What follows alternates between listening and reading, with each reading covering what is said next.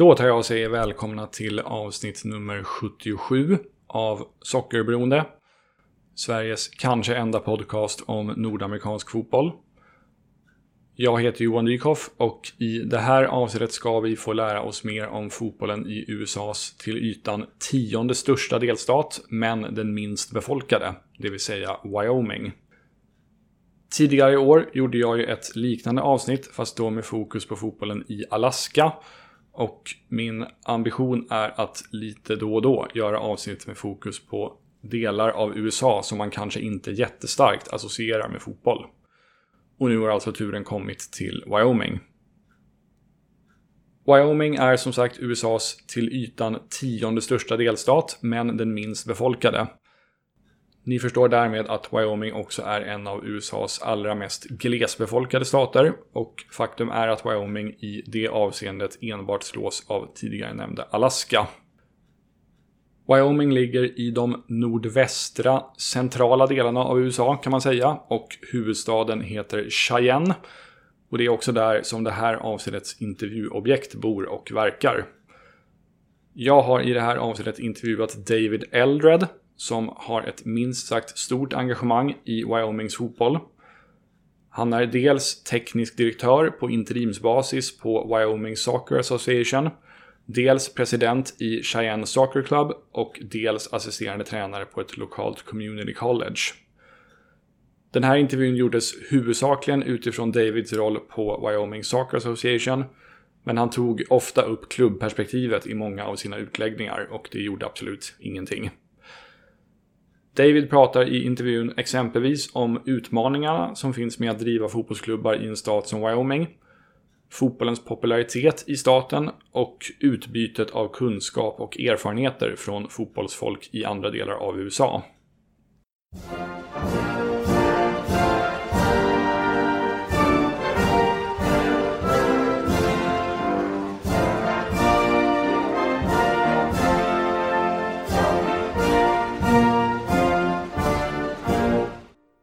To start off, can you just talk a bit about like how and when soccer became an important part of your life?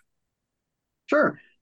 So, soccer became a part of my life back in 1975 or six when in our in our community, I'm I live in Cheyenne, Wyoming, in the lower 48. We are the capital of the state of Wyoming, and soccer was introduced in our community in 1975, 76, it became organized as a recreational sport uh, for the youth to sign up and participate in in 77, 78. Uh, at that time, probably shouldn't give this away, but at that time I was six years old. And so I started kicking a ball at a young age. Um, from that point on, uh, I just, I've loved the game ever since and, uh, and enjoyed participating in it in, many different modalities. Uh, a, sh- a, short stint as a referee, but uh, the majority of my time as a player and as a coach and an administrator, um, board member, etc., at, at, all the different levels throughout the state.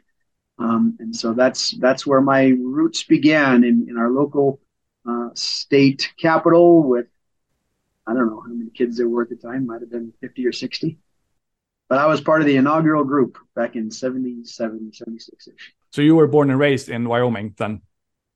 I was born in Memphis, Tennessee, uh, when my father, my, my mother and father were, were there in, in, in, medical school. And then they moved out to Cheyenne when I was two to start his practice. And uh, I've been here ever since, other short of my school. I see. I see. Um, like how do you remember the like the soccer culture and the popularity of soccer from when you were a kid? Um boy this is a great question. You know of course back in the in the 70s it was and in the early 80s um it was all Pelé all the time and that's what we knew because we didn't we didn't know football as the rest of the world knew football. And so um, we we spent all of our time aspiring to do bicycle kicks and things of that nature, which not a lot of X's and O's in our brains at that point, tactics and tact or technical and tactical abilities.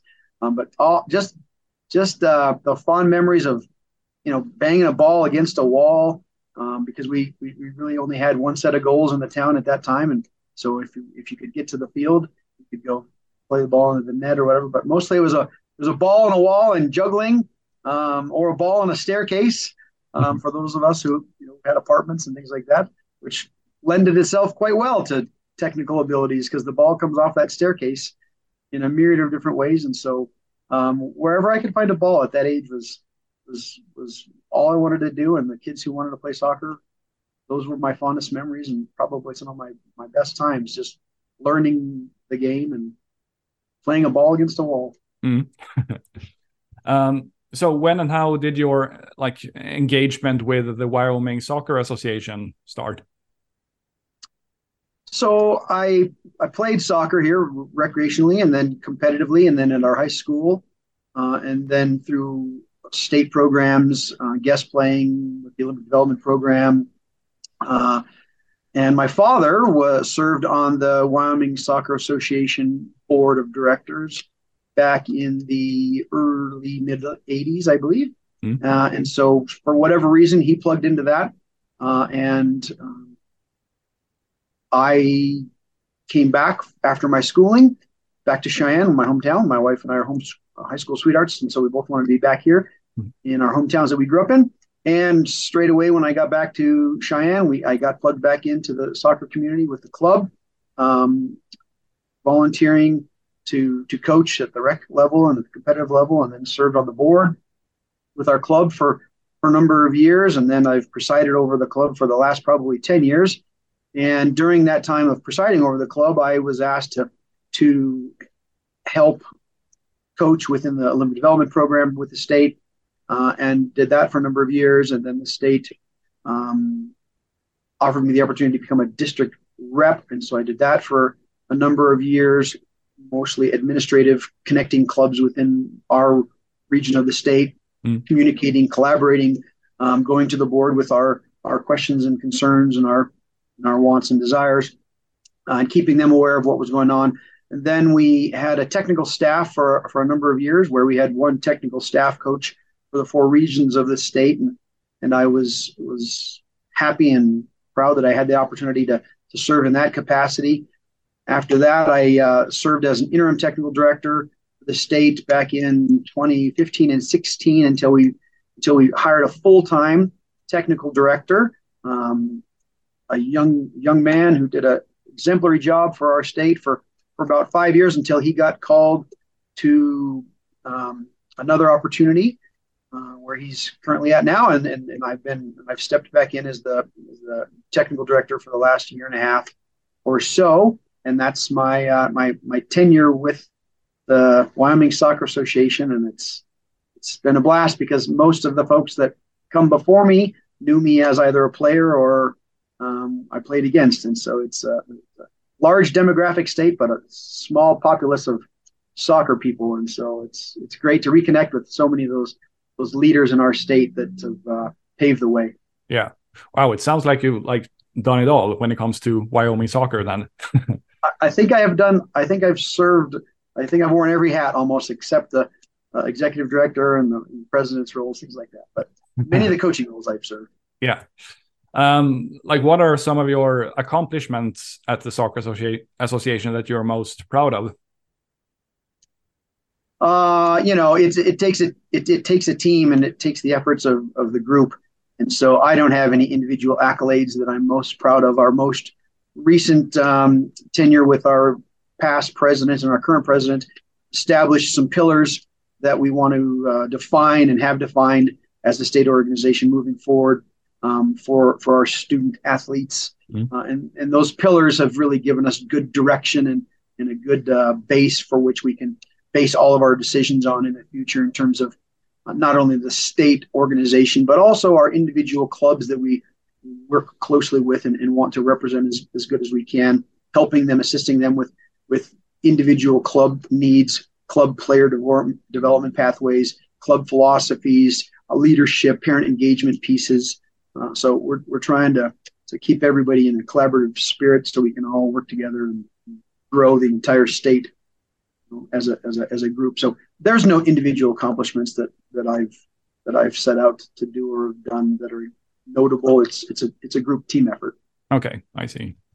Um, I read on your website uh, and the, the Soccer Association's website that uh, your mission is to create a safe, supportive, and conductive environment that drives soccer development and healthy lifestyles for all Wyoming participants while always ensuring fun, integrity, and respect for all.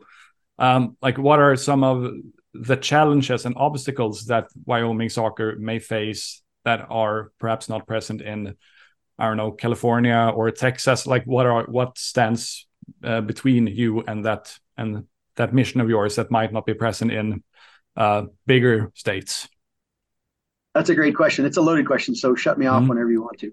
Um, you know, we our our timeline that we've had soccer in Wyoming is is less than most states in the lower 48. Um, the numbers of of student athletes or soccer players that we have in in Wyoming um, are less than in most states, and and we're also uh, dealing with weather that is, is, more severe than in most states, and so. Um, some of the biggest challenges that uh, or barriers that can get in the way of, of our mission and vision, as you stated from our website, uh, the easy ones that we can we can facilitate are making sure that the player is, the center of our development and, and all of our decision making as the end product to our organization. Um, the weather is is a barrier to to our children uh, in that sometimes we're we're bookended by by snowy or wintry months, you know, that involve seven months out of the year. And um, many communities have indoor spaces for for their soccer players to continue to develop. Uh, unfortunately, in state capital, we do not have uh, an indoor facility. We're, we're working diligently on that as we speak. Mm-hmm. To be fair, we've been working on one for, for a decade. Mm-hmm. Um, so the, the, the main barriers are the facts that we we don't have the ability for the kids to to develop and, and, and better their skills year round um, compared to most states in the lower 48. We don't have the weather that supports that, and so um, that might be considered a barrier, and, and it is sometimes um, when we when we have our children wanting or aspiring to not only get their education um, but to go on and, and, play while they're getting their education at the next level. Um, we, we're, we're, diligent. We're trying to create a paradigm shift with that because what we've learned is that while our kids do have the opportunity to play soccer, they don't have the same opportunities to play soccer year round as some of the many of the other states. Um, and that's good and bad. It, it's it's bad because they they want the same opportunities as these other kids. Uh, and, and and certainly our kids are no different than any kids in the other states in terms mm. of their athletic ability, their athletic prowess, their ability to become great soccer players. But when you take away months out of the year of them being able to get those touches, um, it's just it's just natural that that um, statistically that becomes significant in that we're not as statistically significant as other states getting kids to the highest levels because they're those kids are available to touching the ball 12 months out of the year. Mm. Um, so that might be perceived as a negative. However, uh, the grass isn't always greener, and, and in those states in the lower 48 that, that have the opportunity to to get touches and, and, train with their with their children 12 months out of the year, um, you know, if we talk to them about some of the positive things that come from our smaller state and not being able to play soccer year round, they are playing additional sports. Many of these kids are three and, and four sport athletes. Um, and maybe they're not excellent at, at any one individually, again, because they're only playing each of these sports for three or four months out of the year. They're really great athletes, just like we find every other state. Um, and they're also excelling at multiple sports. They're they're excelling in the classroom um, with clubs, with uh, things that matter to us as, as parents, right? Mm. We want our children to, to do well academically. We want them to be well rounded. We want them to have the opportunities to, to be involved in, in speech and debate and band and music and choir and orchestra and playing musical instruments and, and joining clubs like FFA and um, becoming, you know, advocates for government councils and, and, leadership positions within their schools, you know, involved in their church youth groups. Um, so while our kids don't get to play one sport 365 days a year. Um, we are so so proud of of all of our kids because they are um, well-rounded uh, young adults and maturing with processes that have allowed them to develop both on and off the soccer field, mm. as well as in other areas that are, are so vitally important for the development of our youth. So we can kind of see it both ways as, as challenges, but also as blessings. Um, both of my children were able to play soccer and more sports. Um, neither of them were excellent um, mm-hmm. at, at any one single sport, but they op- had the opportunity to become good at lots of activities, both in the classroom and on the soccer field and other sporting sports. And so that's that's a that's a positive. Yeah, interesting. And like speaking of um, um, like soccer people from other states, to what extent do you uh, like network with people who are involved in soccer in other parts of the country to I don't know exchange knowledge and learn from best practices and so on? Yeah, um, in terms of collaborating with other states, as a as a coach within our club, within the competitive levels, had an opportunity to meet so many amazing people from from neighboring states that we keep in contact with.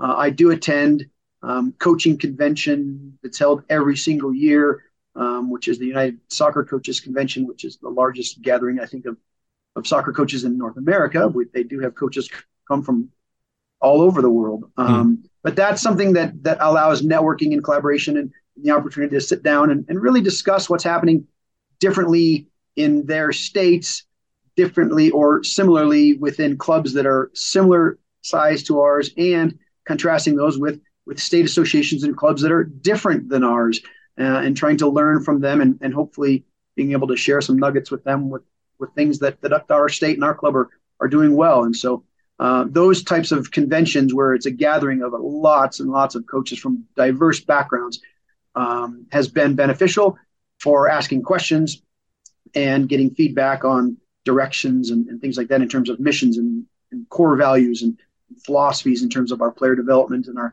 our coaching development and our referee support and, and other programs like uh, uh the outreach program for soccer, a TOPS program, um, how we incorporate with our U4s and our U6s and and um, so that, that, those opportunities are massive. As the technical director for this state, certainly I've I've been available to all the other technical directors specifically within our region that I've um, really leaned on a lot of them to help guide me and and share with me what's what best practices have been working in their in their states in our west region of the United mm-hmm. States and so uh, a lot of those technical directors have really helped guide me and, and, and give me direction as to you know, what's been going on so there's tremendous support from the federation from United Soccer Coaches um, from the other local TDs all the way down to all of our um, clubs that we play against week in and week out. Uh, and those technical directors and directors of coaching within those clubs, uh, we've got great relationships with them within the state level and, and club wide too. So mm. lots of support. Yeah. Like, to what extent are um, finances a bottleneck for the association? Like, can you pretty much afford to go ahead with all your plans and aspirations, or do you have to like prioritize uh, harshly? Yeah, yeah.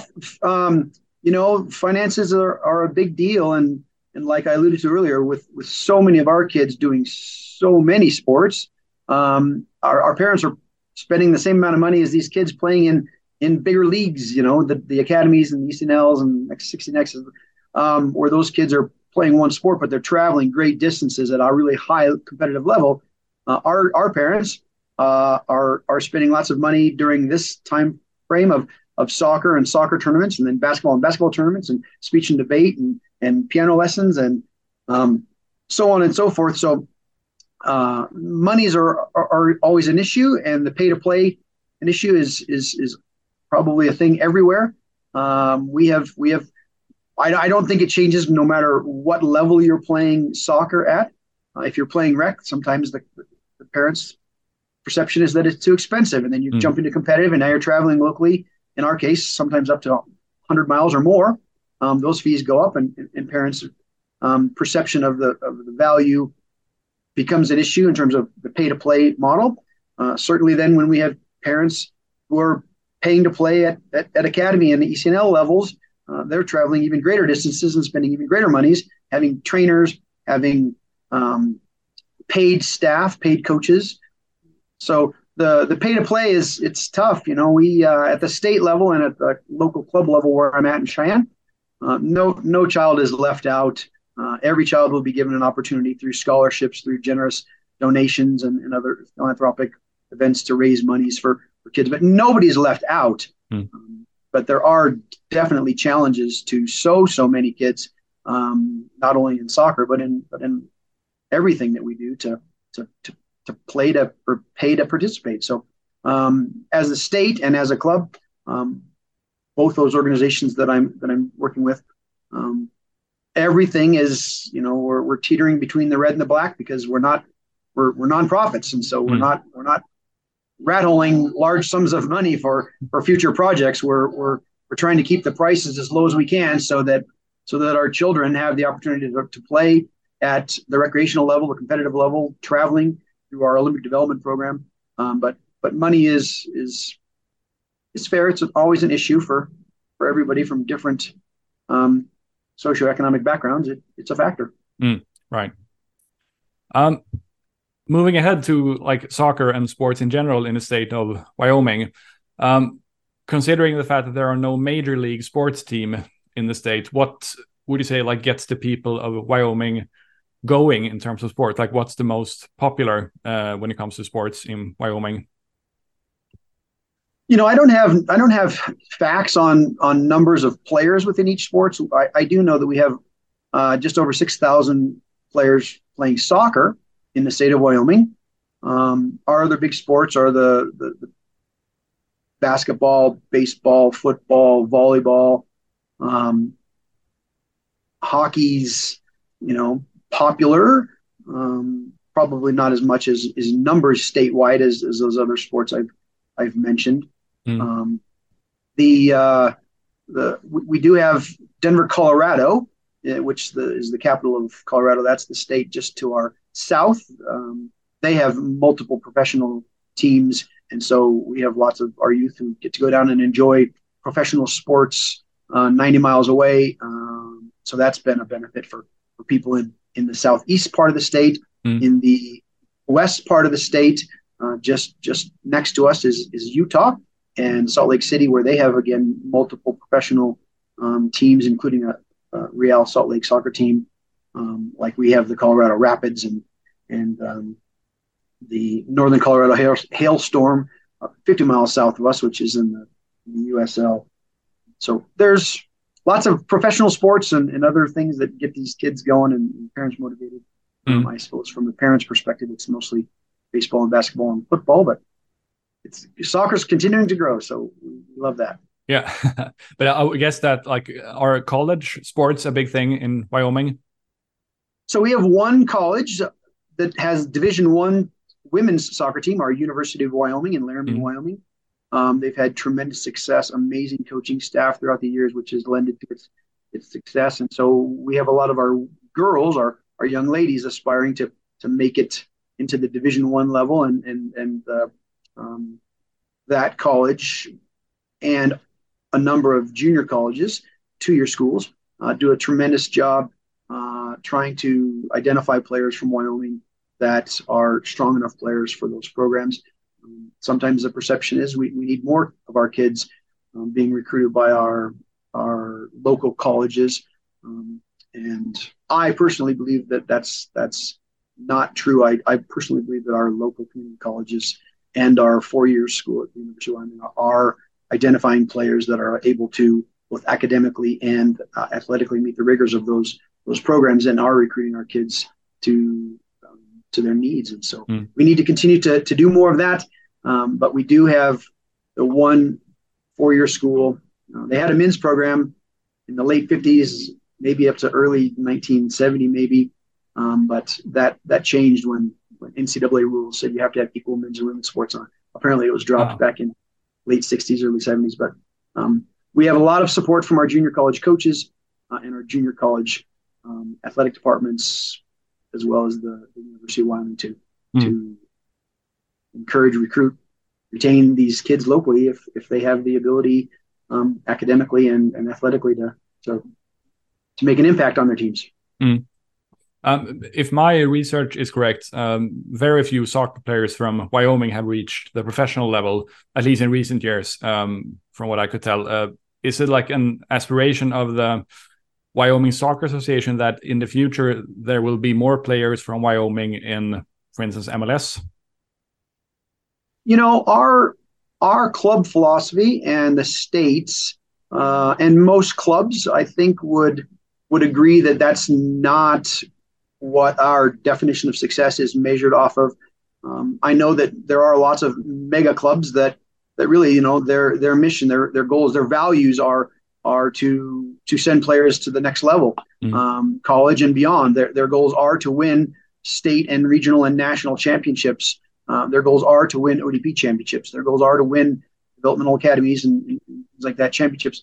Uh, we're simply not big enough to to, to make those goals uh, a reality, and I think that's been a, a safe place for us because we're we're being realistic with our with our kids, and we're focused not on uh, the wins, but we're focused on them socially, emotionally, developmentally, um, cognitively, mm. making sure that they're at the right level and maturing, um, and, and affording them the opportunity to to become great student athletes, great citizens, um, be able to give back in so many different ways that they wouldn't if they were, you know, only able to do one thing.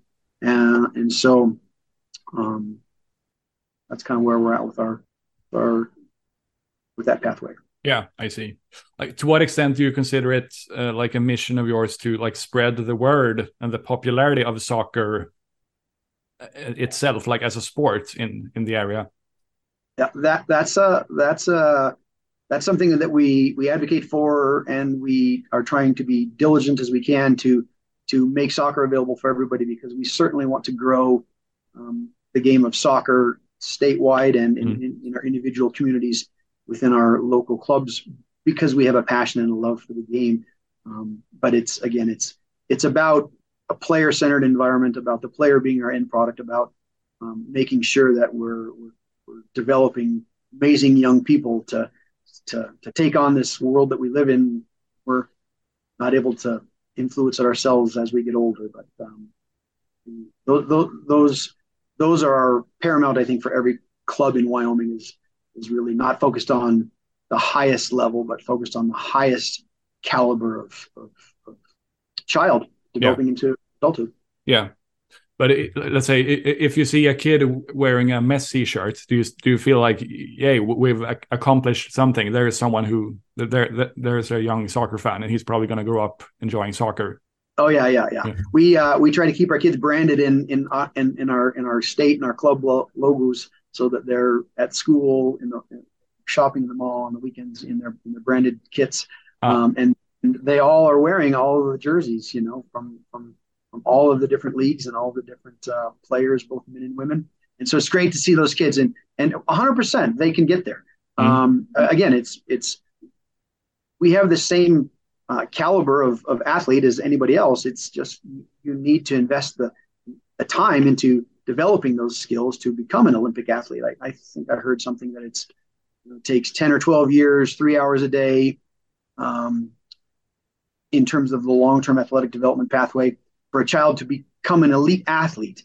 Uh, and so that's from age, maybe as early as age 10, but you know, if we are being fair, as early as age 13 or 14, maybe, where we start to ask them to commit strictly to, to soccer, you know, 10 years of that, three hours a day, that's 10,000, 12,000 hours. That's that's a lot of time you need to to dedicate to becoming an elite athlete unless you are just, you know, genetically born into becoming or being a, a phenomenal athlete. So um, those kids really need to understand that that, that pathway is, is, is a difficult pathway. Uh, while we're going to encourage them and we know and we have faith uh, that they can make it to the next level and maybe mm. onto the professional ranks, which we have we have players that have played professionally. Uh, again, it's it's it's just not as statistically significant as as those players who are afforded and or sacrifice many many more years and many many more days mm. annually to chase that dream. Right.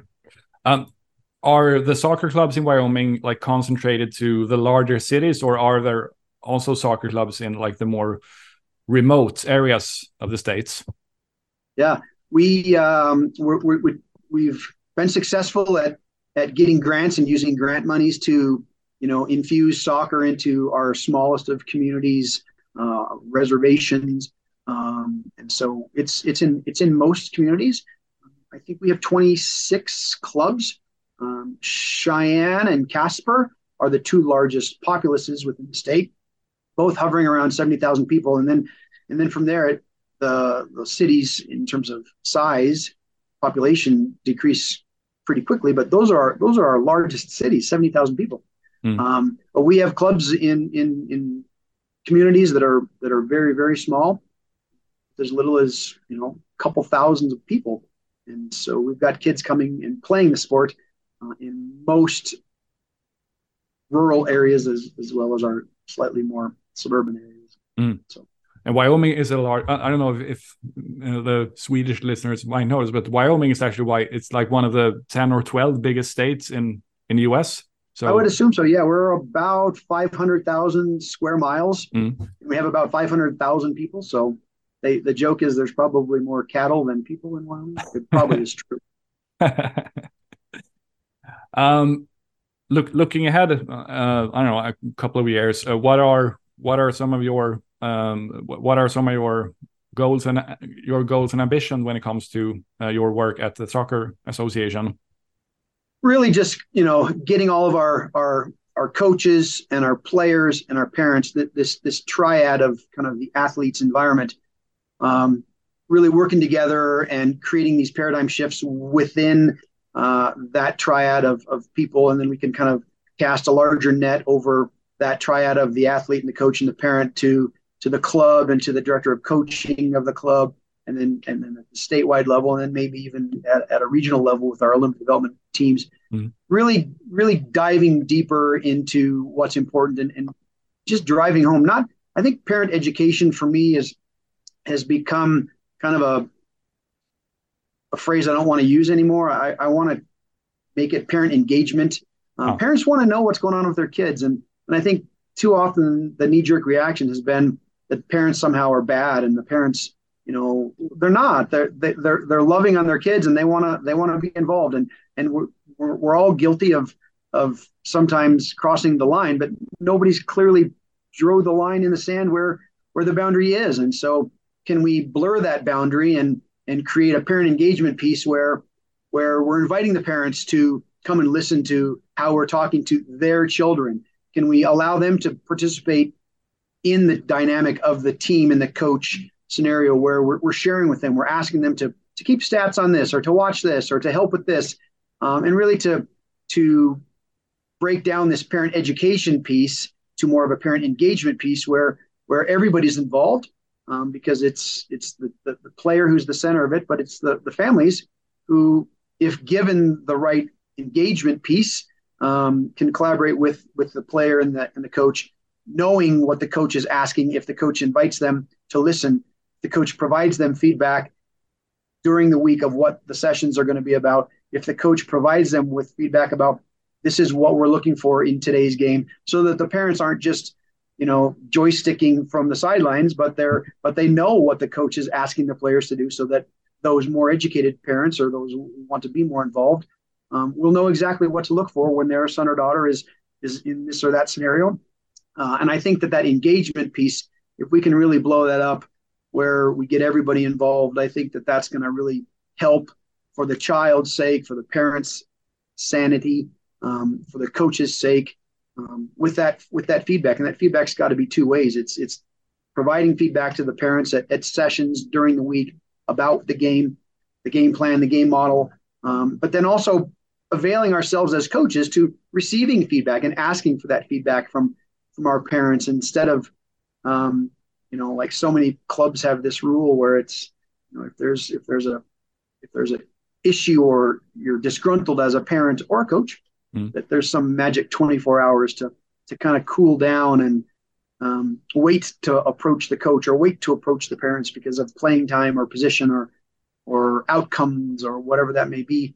Um, ideally, I'm looking forward to trying to create some more collaborative efforts so that we we can understand each other and and and nobody has to be anxious enough to to wait some magic 24 hours but rather invite the parents over after the game let them listen in to how you're talking to their children so that their children aren't telling their parents you know what was said because you don't know what was said unless you're actually there in the context of the moment to, to hear what was said and the feedback that was given these kids. And if coaches um, are able to provide constructive feedback in a way that's you know nurturing and and and uh, encouraging fun and development and growth and collaboration and cooperation and character. Um, parents can appreciate that because we want our children in a safe environment. And so if parents get to be a part of that i think that oftentimes the ride home after the game instead of you know why didn't you play because you didn't run hard enough or fast enough? Like those aren't those aren't technical or tactical descriptors for the child to, say okay great well then i feel better now because too mm. often it's you should have done this or you should have done that and, and if the parents knew what exactly the coach was wanting um, through the efforts of a parent engagement piece that's something that i really want to to improve upon in terms of uh, our players. We want to get them playing more, and we're, we're looking to build and expand facilities to provide them opportunities to play in, in those those weather those months where the where the weather is poor. Um, but in addition, not only to the players, we, we have to look at ourselves, me included, and that is as coaches, how can we expect our players to get to the next level or to get better eh, unless we're willing to take our education to the next level and get better? And mm. just like players, who can't touch a ball 365 days a year. Our coaches aren't able to to improve and get better because they don't have teams to coach 365 days a year. So it's not just uh, a finger pointing in one direction. The, the, the collaborative efforts of the coach, the player, family, again casting that umbrella larger to include the club, the DOC of the club. Um, we all have to avail ourselves to to more education, just like we're asking our players to avail themselves to more touches on the ball. And so it's it's not just one way. It, it needs to be the player, the parent, and the coaches all getting better in those months when when we're not either coaching or playing the game or mm.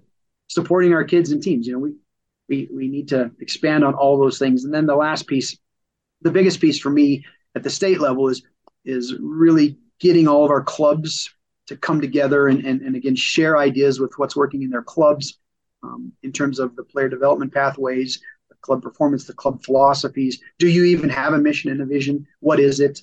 Um, do they align? Do your kids know what your mission and your vision is? Um, so really driving home those those things that are so important that that sometimes we we miss out on and we're we're we get laser focused on on wins and losses rather than mm-hmm. developing the player or the child that's in front of us into a, an amazing young person. Mm. Those are my goals. Yeah, wow, it's interesting to listen to. Um, I know in Sweden there's been a discussion about um, maybe not many parents, but too many parents who are like they are rude to the referees. They make like unreasonable demands towards the coaches. They are like too harsh on their kids at a way too young level. Uh, for instance, like, do you does that sound familiar to you? Like what you experience in Wyoming? Yeah, I, I think that I think that uh, we have those parents everywhere. And again, I'm I'm not saying those parents because I'm a parent of two children who grew up playing soccer, and mm. and I I admit that that I was that parent, you know, as well. And and and it's it's hard when you have a child that you love so much and you want the best for them. Um, and so I don't think the parents are are are setting out to be disruptive. And um, but yeah, in terms of taking care of our referees here in the lower 48 states, and I don't know if it's worldwide, but we we're, every sport um, is having a difficult time recruiting and retaining referees um, because we just don't know how to treat them mm. nicely, if I dare say. So we, we have to we have to respect that that they're integral to the game and to the enjoyment for not only the kids but but everybody who's coming to support on the kids and, and watch them. Um, without being aggressive, without really saying a word to them.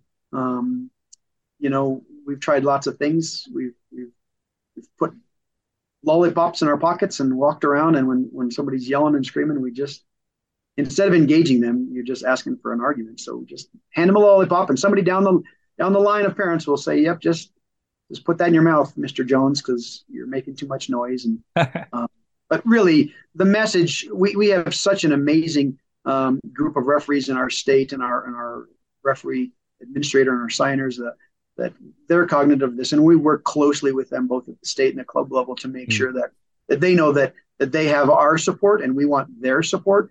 Um, and we want games to to be safe for the children and we want them to be safe for everybody watching in terms of um, how we behave as, as parents and as coaches, how they behave as referees, um, so that so that it's it's an environment that people want to come and, and be a part of, you know, mm. devoid of profanity and and you know meet me in the parking lot. And those are just they're not acceptable. And and uh, I think that if we can collaborate, be proactive with with continuing to encourage parents who aren't trying to be disrespectful or disruptive, but really just again not in educating but engaging them and and this is what the the reality is. We're sh- we're short on referees. And so yeah there's there's a lot of um, young amazing athletes who've chosen to also referee or to referee instead of play the game. Mm-hmm. so we need to support them. And, and if they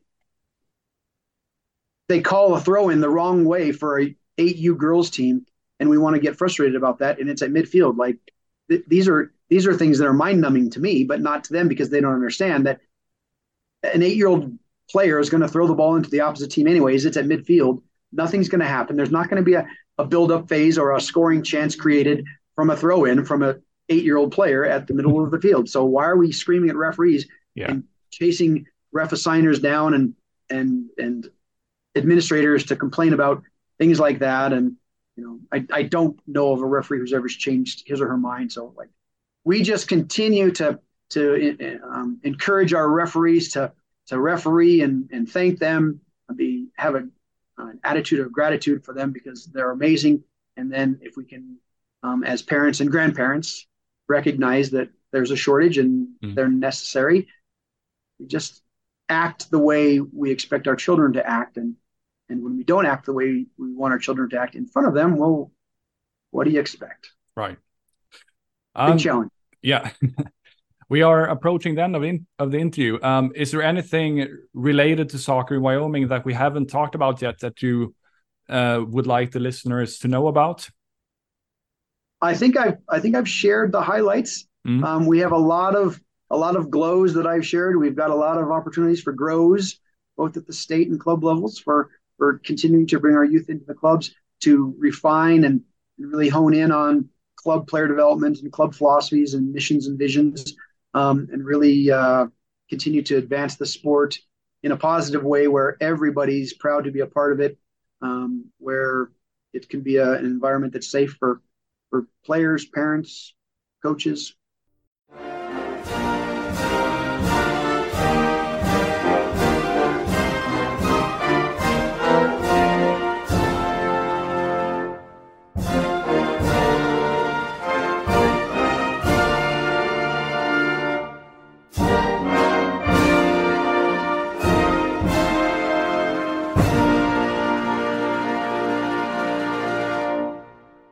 Sådär ja, då tar vi och tackar David Eldred för att han tog sig tid att ställa upp på den här intervjun och vi önskar honom allt gott framöver där borta i Wyoming.